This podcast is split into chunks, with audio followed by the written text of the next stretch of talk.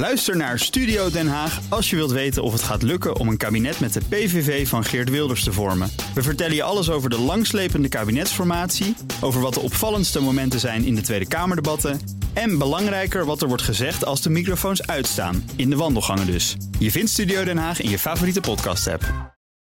BNR Beurs wordt mede mogelijk gemaakt door Bridge Fund. Make money smile.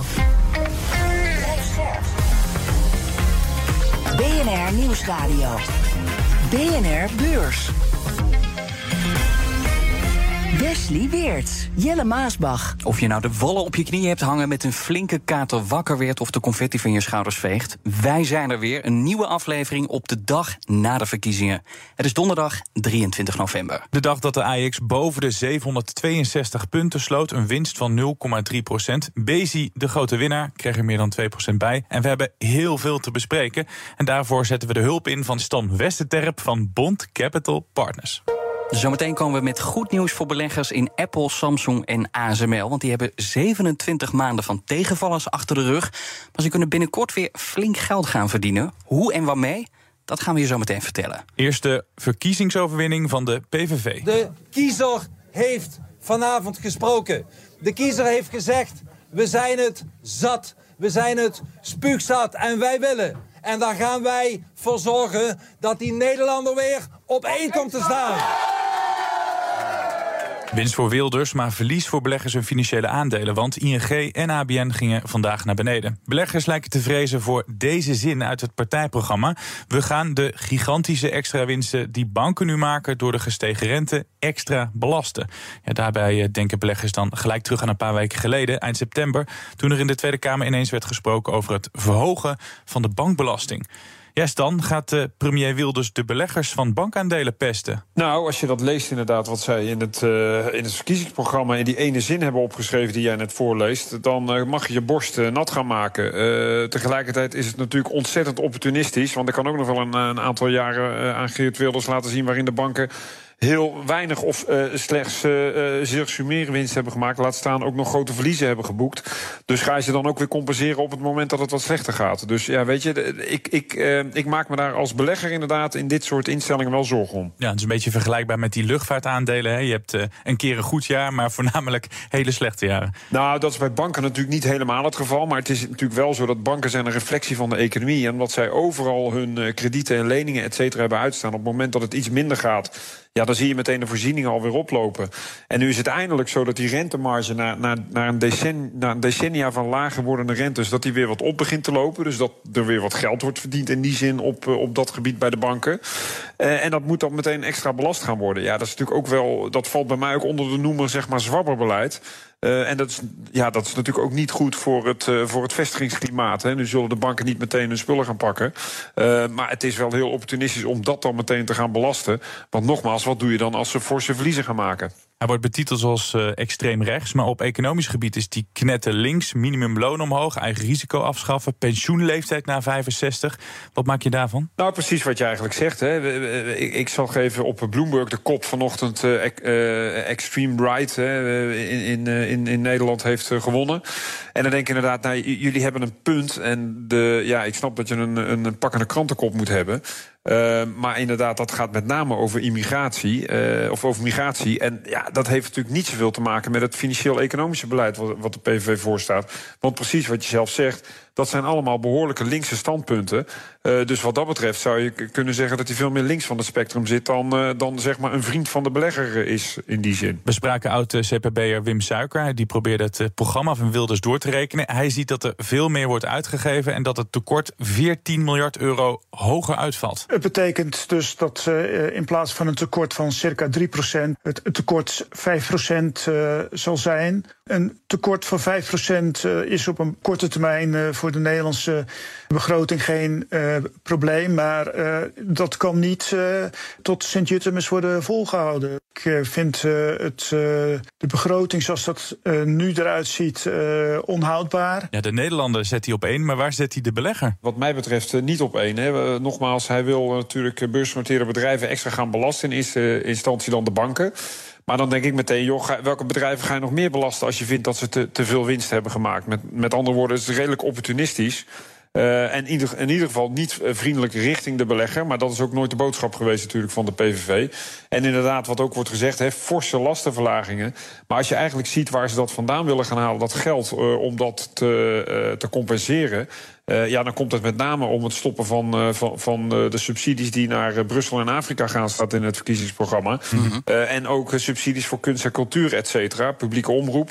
Dat zal misschien wel wat zoden aan de dijk zetten, maar dat is lang niet voldoende om al die lastenverlagingen die ze voor ogen hebben op te vangen. En dus kom je inderdaad al vrij snel in vormen van begrotingstekorten, wat net werd genoemd van 5% Nou, is de Nederlandse staatsgoed, kan dat wel prima een tijdje handelen. Hè. Wij, zitten, wij zijn het beste jongetje van de klas in die zin binnen Europa. Maar dat gaat niet heel lang heel goed natuurlijk. Nee, nou hadden we het al over die banken, over de bankaandelen. Maar economen van Rabobank die waarschuwen ook voor de negatieve gevolgen voor ASML. Dat is natuurlijk erg afhankelijk van buitenlands personeel. Maar de PVV wil het aantal arbeidsmigranten fors inperken. Ook de Partij van Omzicht wil dat. ASML heeft ook vanmiddag zelf gereageerd, zeggen ook zelf. Dat kan ons flink raken. De vraag is dus niet of, maar hoe het bedrijf daardoor geraakt wordt. Hoe, hoe groot kunnen de gevolgen zijn voor, uh, voor ASML, Stan? Nou ja, kijk, Nederland loopt natuurlijk in dit gebied, zeker in de, in de technologie sector, en dan specifiek de semiconductor, de halfgeleidermarkt, echt voorop. Zeker de, de apparatuur wordt, komt natuurlijk met name uh, ja, vanuit ons kikkerlandje. Maar daarvoor hebben wij wel allerlei experts nodig, inderdaad, in het buitenland. en op het moment dat de regelingen voor dat soort personen versoberd worden, dan krijg je dus ook een, een, ja, een gebrek aan kennis wat binnenkomt. En dan zou dat niet meteen op korte termijn betekenen dat ASML uh, minder machines gaat verkopen. Maar om die, die leidende positie op langere termijn vast te houden, ja, dan zou dat best wel eens problematisch kunnen worden. Nogmaals, het is niet iets waar je van je nu meteen ziet van oh, paniek, paniek, we moeten al onze aandelen verkopen. Nee. Maar als er op lange termijn zo'n beleid gevoerd gaat worden, ja, dan gaat er wel echt een gure wind uh, waaien voor, uh, voor, ja, voor, voor de kennis en expertise die we in Nederland importeren. Maar dat is misschien wel iets waar ASML dus voor de langere termijn rekening mee moet houden met het beleid dat zij zelf voeren. Ja, en dan kan je er weer over na gaan denken. Hè. Dan heb ik net al genoemd dat woord, het vestigingsklimaat in Nederland. Is dat dan voor dit soort bedrijven wel interessant genoeg? Uh, of is het be toch beter om dan elders te gaan zitten waar je wel makkelijk dit soort personeel uh, kan behagen en, uh, en, en aan je bedrijf kan binden? Ja, wat anders dan nog. Komt ook uit het verkiezingsprogramma van de PVV. Want hij vindt het klimaat- en het stikstofbeleid onzinnig. Ik zou zeggen, hou daar een keer mee op. Er is in Nederland geen stikstofcrisis. Het gaat beter dan ooit met de natuur in Nederland. Met de biodiversiteit, met, het, met, het, met, met de luchtkwaliteit, met de waterkwaliteit. Het gaat hartstikke goed. Dus waarom? Ik denk dan meteen aan bedrijven als uh, Alphen, Fastnet. Ja, wat betekent dat voor deze bedrijven als er minder geld gaat naar die energietransitie? Ja, uh, kijk, dat is natuurlijk ook wel iets dat wereldwijd is aangezwengeld. Uh, maar inderdaad ook uh, de accijnzen op energie en op benzine zouden ook naar beneden moeten. Ook de vliegtax zou naar beneden moeten. Dat zijn over het algemeen geen hele populaire maatregelen als je, uh, als je van het klimaat houdt, zeg maar. Uh, dus dat zal betekenen dat ook ja, dit soort bedrijven. Kijk, nogmaals, uh, het is een beetje koffiedik kijken. Maar als al deze plannen zo één op één doorgevoerd worden, zoals ze in het verkiezings. zeg maar. Uh, programma staan van de PVV. Ja, dan zou dat wel heel erg pijnlijk kunnen worden voor, uh, voor dit soort uh, bedrijven, inderdaad. Ja, toch is er ook wat positiefs te melden. PVV wil milieuvoorschriften voor vastgoed versoepelen. Betekent in de praktijk minder kosten voor vastgoedbedrijven. Is dat tijd om aandelen bij te kopen? Ja, nou ja, kijk, dat is op zich wel interessant. De vastgoedsector is natuurlijk heel erg hard geraakt. Zeker in Europa, zeker de commerciële vastgoedsector. Uh, met name als gevolg van hoge rentes en, uh, en toch vaak wel forse schuldposities die daar tegenover staan. Uh, je ziet dat daar echt flinke uh, ja, koersdalingen, uh, dat het flinke koersdalingen tot gevolg heeft gehad. Ja, ieder zeg maar beleidstuk dat ervoor zorgt dat daar wat meer lucht komt, zou best wel, best wel interessant zijn en mooi meegenomen zijn. maar goed, nogmaals, er zijn meerdere factoren die daarvoor afhankelijk zijn. De rente is niet in de, in, in de laatste plaats heel erg belangrijk. ook de economische ontwikkelingen is belangrijk. Maar nogmaals, als er wat, wat verlichting daarin zou komen, dan zou dat wel prettig zijn voor de vastgoedmarkt. Zijn er nog andere bedrijven voor jij nu ziet die gaan profiteren van zo'n uh, economisch beleid van, uh, van Wilders en Co? Nou ja, kijk, dan komt er toch wat nuance. Kijk, het, het is natuurlijk maar Nederland. En uh, zeker de afzetmarkt is hier niet zo groot. Maar stel je voor dat dit wereldwijd het beleid zou worden, dan zou je er toch wel vanuit kunnen gaan dat grote olie- en gasbedrijven hier natuurlijk van zouden kunnen profiteren. Hè. Verlaging van de accijnzen. niet meer zo hard op klimaat, niet meer zoveel geld moeten investeren in energietransitie. Dus eigenlijk echt de oude economie. Alleen uh, ja, als je tegelijkertijd zegt, hè, oude economie, daar schaar ik ook banken onder. Voor, joh, op het moment dat je te veel winst gaat maken, dan romen we dat uh, ja, een beetje socialistisch-communistisch af, zeg maar. Ja, dat vind ik ook wel heel erg opportunistisch. Dus aan de ene kant zou je zeggen dat dat is goed. Aan de andere kant is het ook weer niet de bedoeling dat bedrijven te veel winst gaan maken. Want dat moet dan weer meteen terug naar de burger. Ja, nogmaals, dat is een beetje een, een zwalkend beleid. En dat vind ik heel moeilijk, zou ik heel moeilijk vinden om daar mijn strategie als bedrijf op, op te bepalen. Ja, wat misschien ook heel lastig is, is om nu je strategie als belegger te bepalen. Hoe, hoe ga je ermee om met al die onzekerheid? Dan is het tijd voor een nuance. Uh, als we vandaag ook kijken naar, uh, naar Amsterdam, naar AIX, 0,3% hoger. De soep wordt niet zo heet gegeten als dat hij wordt opgediend. Beleggers maken zich in die zin niet zo heel erg veel, veel zorgen. Nog niet. En ik denk dat dat wel terecht is. Uh, eerst moeten we nog maar eens gaan formeren. Daarnaast is het niet zo dat hij, een, uh, dat, hij de absolute meerderheid heeft gehaald. Hij is wel de grootste partij geworden natuurlijk in Nederland. Uh, maar er, zijn ook nog, er is ook wel uiteindelijk toch wel een aardige ruk naar rechts gemaakt in principe. Wat op zich voor beleggers, het kapitalistische model, dat, dat, ja, dat zou in principe niet heel erg slecht moeten zijn. Zeker als dat wat meer liberalisering betekent. Hè? Ook met name wat meer wet, minder wet en regelgeving, minder toezicht, dat soort zaken. Over het algemeen verloopt het daarmee allemaal wat soepeler bij bedrijven. Dus zou dat weer goed nieuws kunnen zijn. Nou, behalve over de verkiezingen ging het de afgelopen dagen ook steeds over OpenAI, de topman die ontslagen werd, naar Microsoft ging en vervolgens weer terugkeerde bij het bedrijf achter ChatGPT. Maar de reden voor zijn ontslag, ja, daar moesten we alleen maar, konden we alleen maar naar gissen. Tot nu, want verschillende media, waaronder Reuters, claimen de mogelijke reden te hebben. Het is best een spannend verhaal, vond ik zelf. Het gaat over een mysterieuze AI-ontdekking. Het wordt omschreven als een doorbraak die de mensheid kan bedreigen. En gesproken wordt over een supergeheim AI-project genaamd Q-Star. Dat is een zelflerend rekenmodel. En als je daar maar genoeg rekenkracht in pompt, dan kan het zelfs de menselijke intelligentie overtreffen. Kan het slimmer worden en slimmer zijn dan mensen. En verschillende onderzoekers van OpenAI die zouden naar aanleiding daarvan aan de bel hebben getrokken, een brief hebben gestuurd naar het bestuur en daarin waarschuwen voor de gevaren.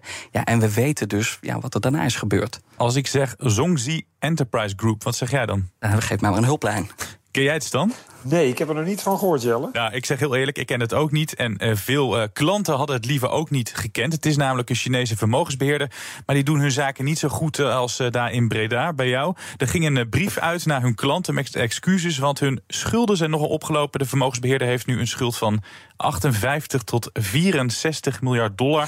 Ze hebben een enorme blootstelling aan de Chinese vastgoedsector. En daardoor zijn ze nu in de problemen gekomen. En probleem is een understatement, want die schuld is twee keer zo groot als de activa die ze onder beheer hebben. Ja, Stan, moeten we ons nu zorgen maken dat die vastgoedcrisis ook een financiële crisis daar gaat worden bij de Chinese vrienden? Ja, nou ja, kijk, weet je, we hebben natuurlijk al, al vaker in China problemen gehad. Met, dan denk ik met name even aan Evergrande. En het lijkt er toch wel op dat de Chinese overheid over het algemeen dat redelijk onder controle heeft. lees dat als er sprake zou zijn van surseance of, of een faillissement, dat ze dat toch wel, ja, die ballon zeg maar gecontroleerd leeg laten lopen. En het is natuurlijk met name vaak een interne aangelegenheid, want buitenlands kapitaal is nog niet zo groot vertegenwoordigd in China.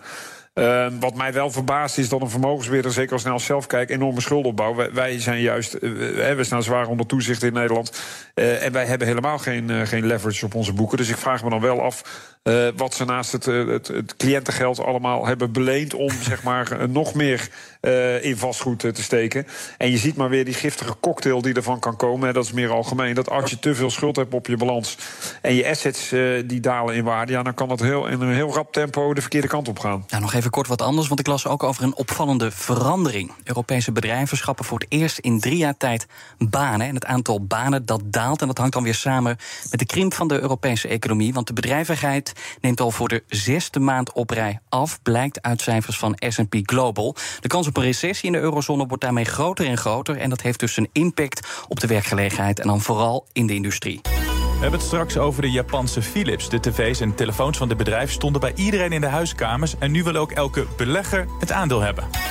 We hebben er twee jaar op moeten wachten, maar na 27 maanden van krimp worden er weer meer iPhones, Galaxies en Chinese telefoontjes verkocht. Wereldwijd zitten de smartphoneverkopen in de lift, schrijft CNBC.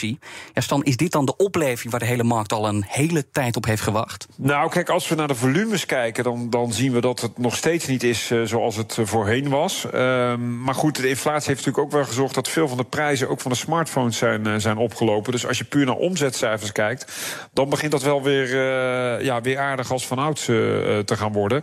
Dan moet ik erbij zeggen dat je ook gewoon natuurlijk ziet dat, dat smartphones, ja, die hele business cycle uh, van iedereen die voor het eerst aan de smartphone ging, dat ligt al meer dan tien jaar achter ons. En ook die vervangingsmarkt is natuurlijk wel uh, in die zin wat kleiner geworden. Omdat die dingen gewoon zo goed zijn dat niet iedereen meer ieder jaar voor de nieuwste iPhone gaat. Ja. Dus uh, ja, er zijn meerdere redenen waarom je waarschijnlijk niet meer die recordniveaus die je van een aantal jaar geleden hebt gezien in volume. Maar tegelijkertijd zien we wel dat de prijzen dus fors omhoog gaan. Dus dat de omzetten die uit smartphones komen nog wel degelijk kunnen stijgen. Nou, jij zegt iets belangrijks. Die prijzen die gaan omhoog. Je bent al snel 1200 euro kwijt voor een goede toptelefoon op dit moment. Maar ja. ik zag ook in dat onderzoek waar CNBC dus over schrijft... dat het vooral de opkomende markten zijn waar je nu herstel ziet. Ja, en daar leggen ze niet even 1200 euro neer voor een nieuwe telefoon. Dus wat betekent dat voor de marges voor die mobieltjesmakers... daar de groei de komende tijd zit? Nou, dat in ieder geval niet de premium modellen daar verkocht gaan worden. Dus ik denk dat Apple ook niet zo'n heel groot marktaandeel heeft in dit soort in dit soort dus vooral China. Ja, met name inderdaad hè, de, de goedkopere modellen de, van de Samsungs en de Huawei's uh, van deze wereld, zeg maar. Uh, maar het klopt inderdaad dat daar, ik heb het artikel ook gelezen, dat het daar blijkbaar op dit moment toch wel fors veel, veel groei vandaan komt. Mm -hmm. Maar als we kijken naar de, naar de omzetverdeling in de wereld van de smartphonemakers, ja, dan zijn dat toch wel de gevestigde economieën, hè, de grote namen waar, waar de meeste verkoop en de meeste omzet en ook dus de, de halve de meeste winst uit vandaan komt. Uh, dus uh, Europa, Amerika, uh, Zuidoost-Azië, China. Dat zijn bij far de belangrijkste markten voor, voor ook dit soort bedrijven om hun producten te sluiten. Want Wesley, jij bent zelf de natte droom van elke telefoonverkoop. Want hoeveel telefoons heb jij inmiddels versleten in jaar tijd? Nou ja, elk half jaar een andere telefoon. Maar ik moet wel zeggen, ik verkoop hem dan weer op Marktplaats... Ah. en dan leg ik er 100, 150 euro bij. Maar ik hou van verandering, als het gaat om telefoons. die telefoonmakers, nou, ik ben dan de natte droom van die telefoonmakers. Maar hoe, hoe zit dat met andere beursbedrijven? Want ja, die kunnen hier ook van profiteren natuurlijk. natuurlijk. Welke andere beursbedrijven is dit, is dit goed nieuws, het aantrekken van die telefoonmarkt? Nou ja, de, de, de, de chipbedrijven uiteraard. Hè. De, zeker de chipbedrijven die leveren aan, aan deze uh, bedrijven. En indirect dan inderdaad dus ook weer de ASML's van deze wereld... waar die chips mee gemaakt worden. Dus denk aan TSMC, aan Qualcomm, aan ja, noem het allemaal maar op. De, de, de jongens die heel groot in die, uh, in die uh, mobiele markt zitten. Ja, want hoe, uh, hoe, belangrijk is dan, hoe belangrijk is die smartphone-markt voor die bedrijven? Voor ASML, voor TSMC? Is dat echt een hele grote markt waar dus een ja, groot deel van hun omzet vandaan komt? Absoluut, absoluut, absoluut. En kijk, natuurlijk, de, de groei, zoals ik al zei, van, een, van zeg maar pak een beetje tien jaar geleden, die cijfers zal je niet snel meer zien. Maar dit zijn toch wel uh, ja, meerdere tientallen procenten zeg maar, van, van dit soort bedrijven waar de, waar de omzet vandaan moet komen.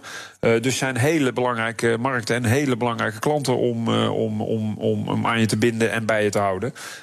En je ziet ook vaak dat de, de, de, dit soort bedrijven zijn uh, met de marktwaardes van bijvoorbeeld de Apples en de Samsungs van deze wereld ook, ook fors toegenomen de afgelopen jaren. En de verwachting is ook niet dat die mobiele smartphone-markt in ieder geval een, een krimp zal laten zien. Dus die blijven nog jarenlang relevant, dit soort bedrijven. BNR Beurs. En normaal ben ik zo blij als een kind om die beursstanden voor te lezen. Vertel ik wat de Dow Jones, de S&P 500 of de Nasdaq doet. Maar het is Thanksgiving. Ja. Amerikanen en dus de beleggers die doen het rustig aan vandaag. Zullen wij dan even doen alsof we het klokhuis zijn? Wat, wat, wat doen ze eigenlijk met uh, Thanksgiving, Jelle? Goed dat je het vraagt. Geen idee, maar Bernard Hammelburg oh. van de Amerika-podcast, die weet het wel. Ze vieren dat uh, de Pilgrim-vaders die het land hebben gesticht... in 1621 vonden dat ze de eerste oogst moesten vieren met elkaar, maar ook met de Indianen die daar woonden.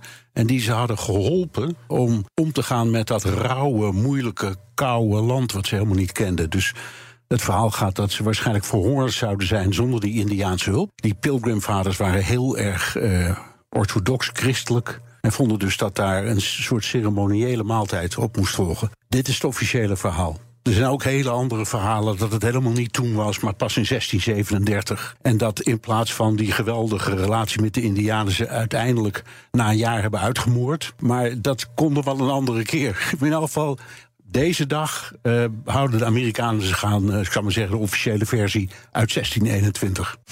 Ja, Jelle, ik wil toch nog heel even een beursbedrijf noemen. Want zelfs zonder beurshandel weet Elon Musk het nieuws te halen.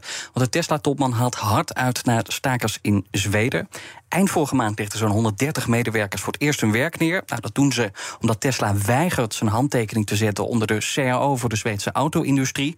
En volgens de vakbond betekent dat voor medewerkers minder loon dan bij concurrenten. Nou ja, inmiddels hebben ook verschillende andere Zweedse vakbonden zich eh, bij het protest aangesloten. Waaronder haven- en postmedewerkers. En daardoor dreigen er geen nieuwe Tesla's op de weg te kunnen. Zoiets simpels als een kentekenplaat wordt nu bijvoorbeeld niet afgeleverd. Ja, die staking die hebben dus nogal wat gevolgen. En nu laat Musk dus van zich horen. En hij noemt de stakingen krankzinnig.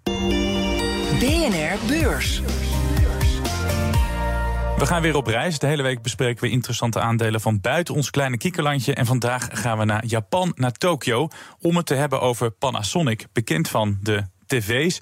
Maar dat is niet het enige wat ze doen, Stan? Nee, zeker niet. Nee, het is echt een, een, een, eh, een ouderwets Japans conglomeraat, eh, zoals we dat eh, ja, wel vaker zien in, in Japan. Eigenlijk hadden wij dat vroeger ook, dit soort, bijvoorbeeld een Philips inderdaad. maar dat, ja, die, die, daar zijn de toverwoorden toch meer geweest. focus en, en zeg maar verdere vernauwing van je business case. en dat betekent dus toch ook veel, veel afstoten. Ehm, maar in Japan kom je echt nog van die conglomeraten tegen. En Panasonic is er daar eentje van. He, bijvoorbeeld consumentenelektronica, zei het net al, uh, huishoudelijke apparatuur. Maar een heel belangrijke unit van, uh, van Panasonic is uh, de Automotive and Industrial Systems. want zij zijn een van de grootste batterijleveranciers voor elektrische voertuigen van de wereld. En zij zijn, Tesla is onder andere, Elon Musk, een grote klant van Panasonic. Ja, en nu was Japan altijd een beetje het ondergeschoven kindje. Of hoe zeg je dat? Was niet echt. het was niet populair. Het was niet populair. Nee. Wat maakt Panasonic nou weer interessant voor de beleggers? Is dat de waardering volgens jou? Ja, nou kijk, als we kijken naar de Japanse markt als geheel... Hè, dan de Nikkei heeft geloof ik in de jaren 90 van de vorige eeuw... Uh, de recordstand bereikt. Toen is het als een plumpunning in elkaar gezakt... en is het eigenlijk nooit meer goed gekomen. Sindsdien is Japan altijd het beloofde land voor beleggers geweest. Zeker voor value-beleggers omdat er inderdaad sprake was van lage waarderingen. Dus dat is niet voor, uh, voor uh, specifiek alleen voor Panasonic. Dat geldt voor de hele Japanse markt.